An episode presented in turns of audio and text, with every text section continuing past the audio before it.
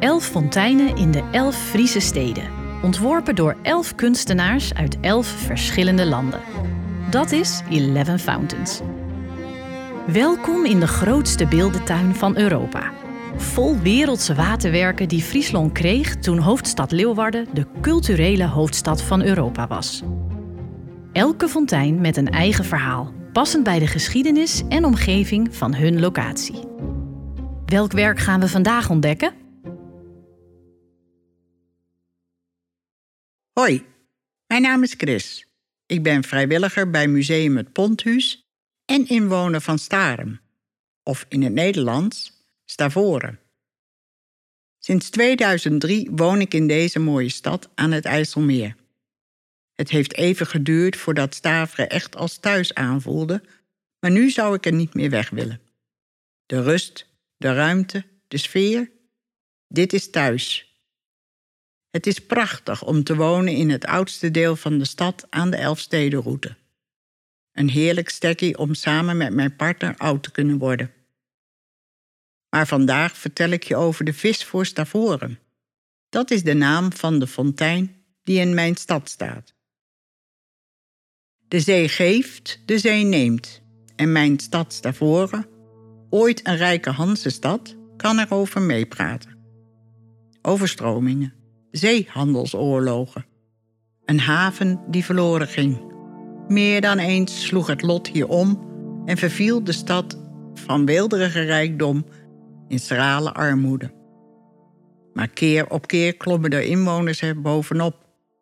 En steeds weer brachten zeevaart en visserij nieuwe welvaart naar deze Friese stad die nu aan het IJsselmeer ligt. Nu?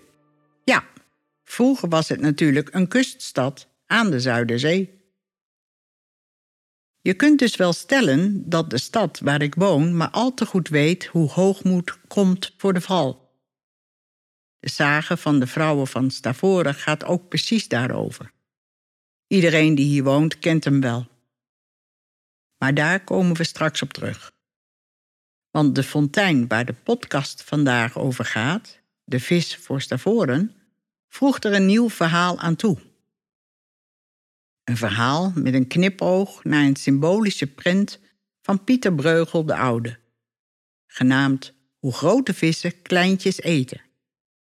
En als je de fontein ziet, snap je waarom dat is. Als je bij de fontein in de haven van Stavoren staat, weet je waarschijnlijk eerst even niet waar je kijken moet. Hier is zoveel te zien. De huizen die hier langs de haven staan, zijn een vrolijk gekleurd geheel. Niet voor niets noemen ze het hier ook wel het Kopenhagen van Friesland. Geel, blauw, rood, groen geen huis is hetzelfde. Daar word je toch vrolijk van? Tussen waar je nu staat en die gekleurde huizen liggen bootjes en schepen te dobberen in het water van het IJsselmeer. Hoor je het water klotsen tegen de steigers en de schepen? En het gezellige geping van de touwen die tegen de ijzeren masten van de zeilboten slaan? In de winter is de boel gezellig verlicht. En als je hier in de zomer staat, hoor je de gezelligheid van de haven. Boten liggen er soms wel drie of vier rijen dik. Dus er is veel contact onderling. Je moet nu eenmaal over elkaars boot om aan de wal te komen. Her en der zitten groepjes mensen te borrelen in de kuip van de boot. Het water draagt het geluid ver, dus het klinkt als één groot terras op het water. Dat is het natuurlijk ook. Maar het geluid dat je nu het luidst hoort, is dat van de visfontein en zijn 16 waterstralen.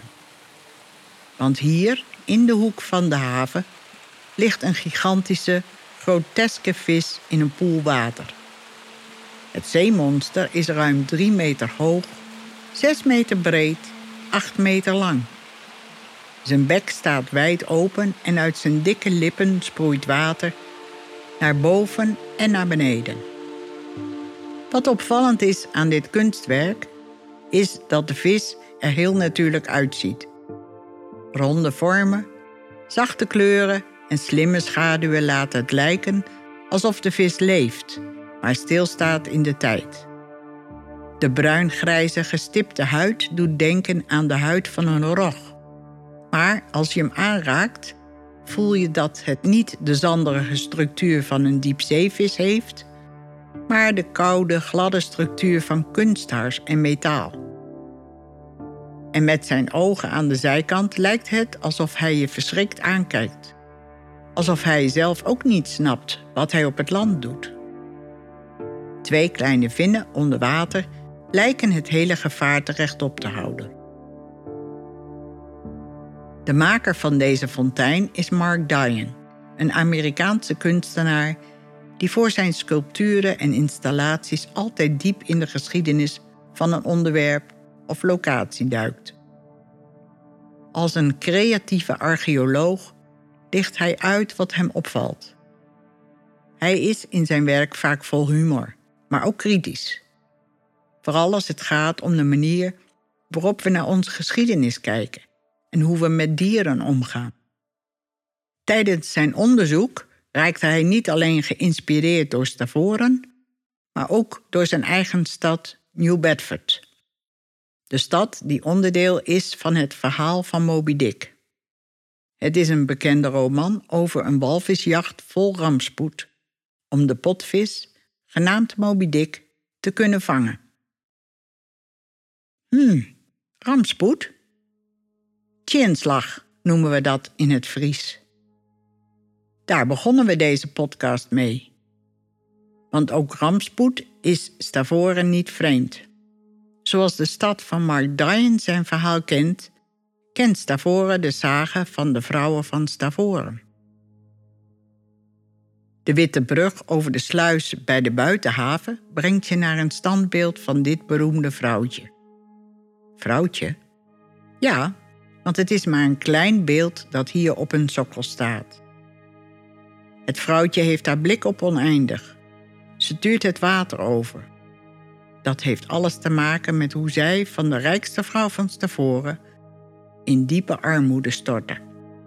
Het vrouwtje van Stavoren wordt ook wel de weduwe van Stavoren genoemd. Volgens de overleveringen woonde deze steenrijke koopmansweduwe in een huis met gouden vloeren en zilveren muren. Ze was de rijkste inwoner van Staveren en bezat meer schepen dan alle kooplieden van de stad bij elkaar. Ze werd dan ook met de dag rijker en rijker, maar nooit meer tevreden. Of überhaupt tevreden. Zij zou pas tevreden zijn als ze het rijkste bezit op aarde zou hebben, wat dat dan ook zou mogen zijn.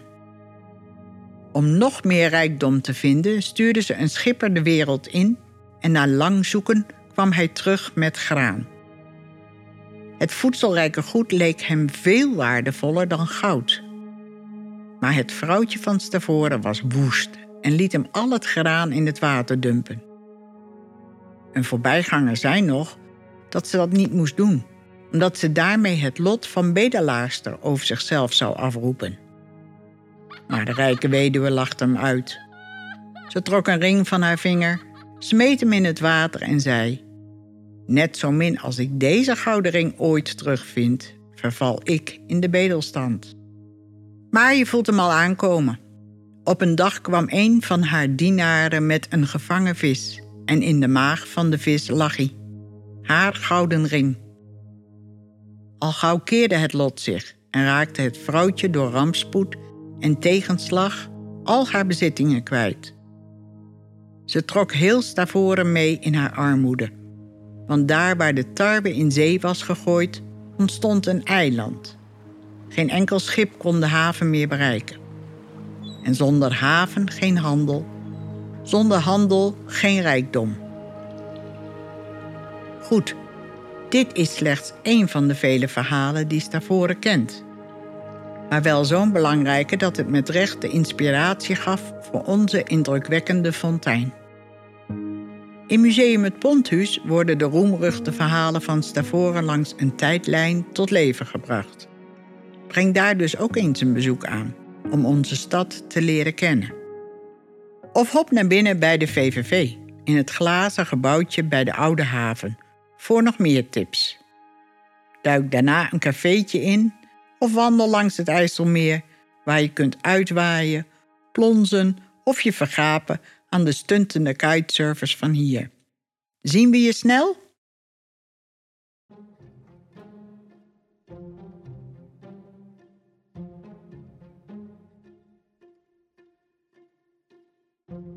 We hopen dat je genoten hebt van het ontdekken van de verhalen, de kunst en de geschiedenis achter deze prachtige fontein. We nodigen je uit om ook een van de andere afleveringen in deze serie te beluisteren. Zo kom je achter het verhaal van de walvis, de kieviet en de onsterfelijke bloemen. Deel deze podcast gerust met je vrienden en familie, zodat zij ook kunnen genieten van de magie van de fonteinen en Friesland. Wil je meer weten of de fonteinen zelf bezoeken? Kijk dan op 11fountains.nl.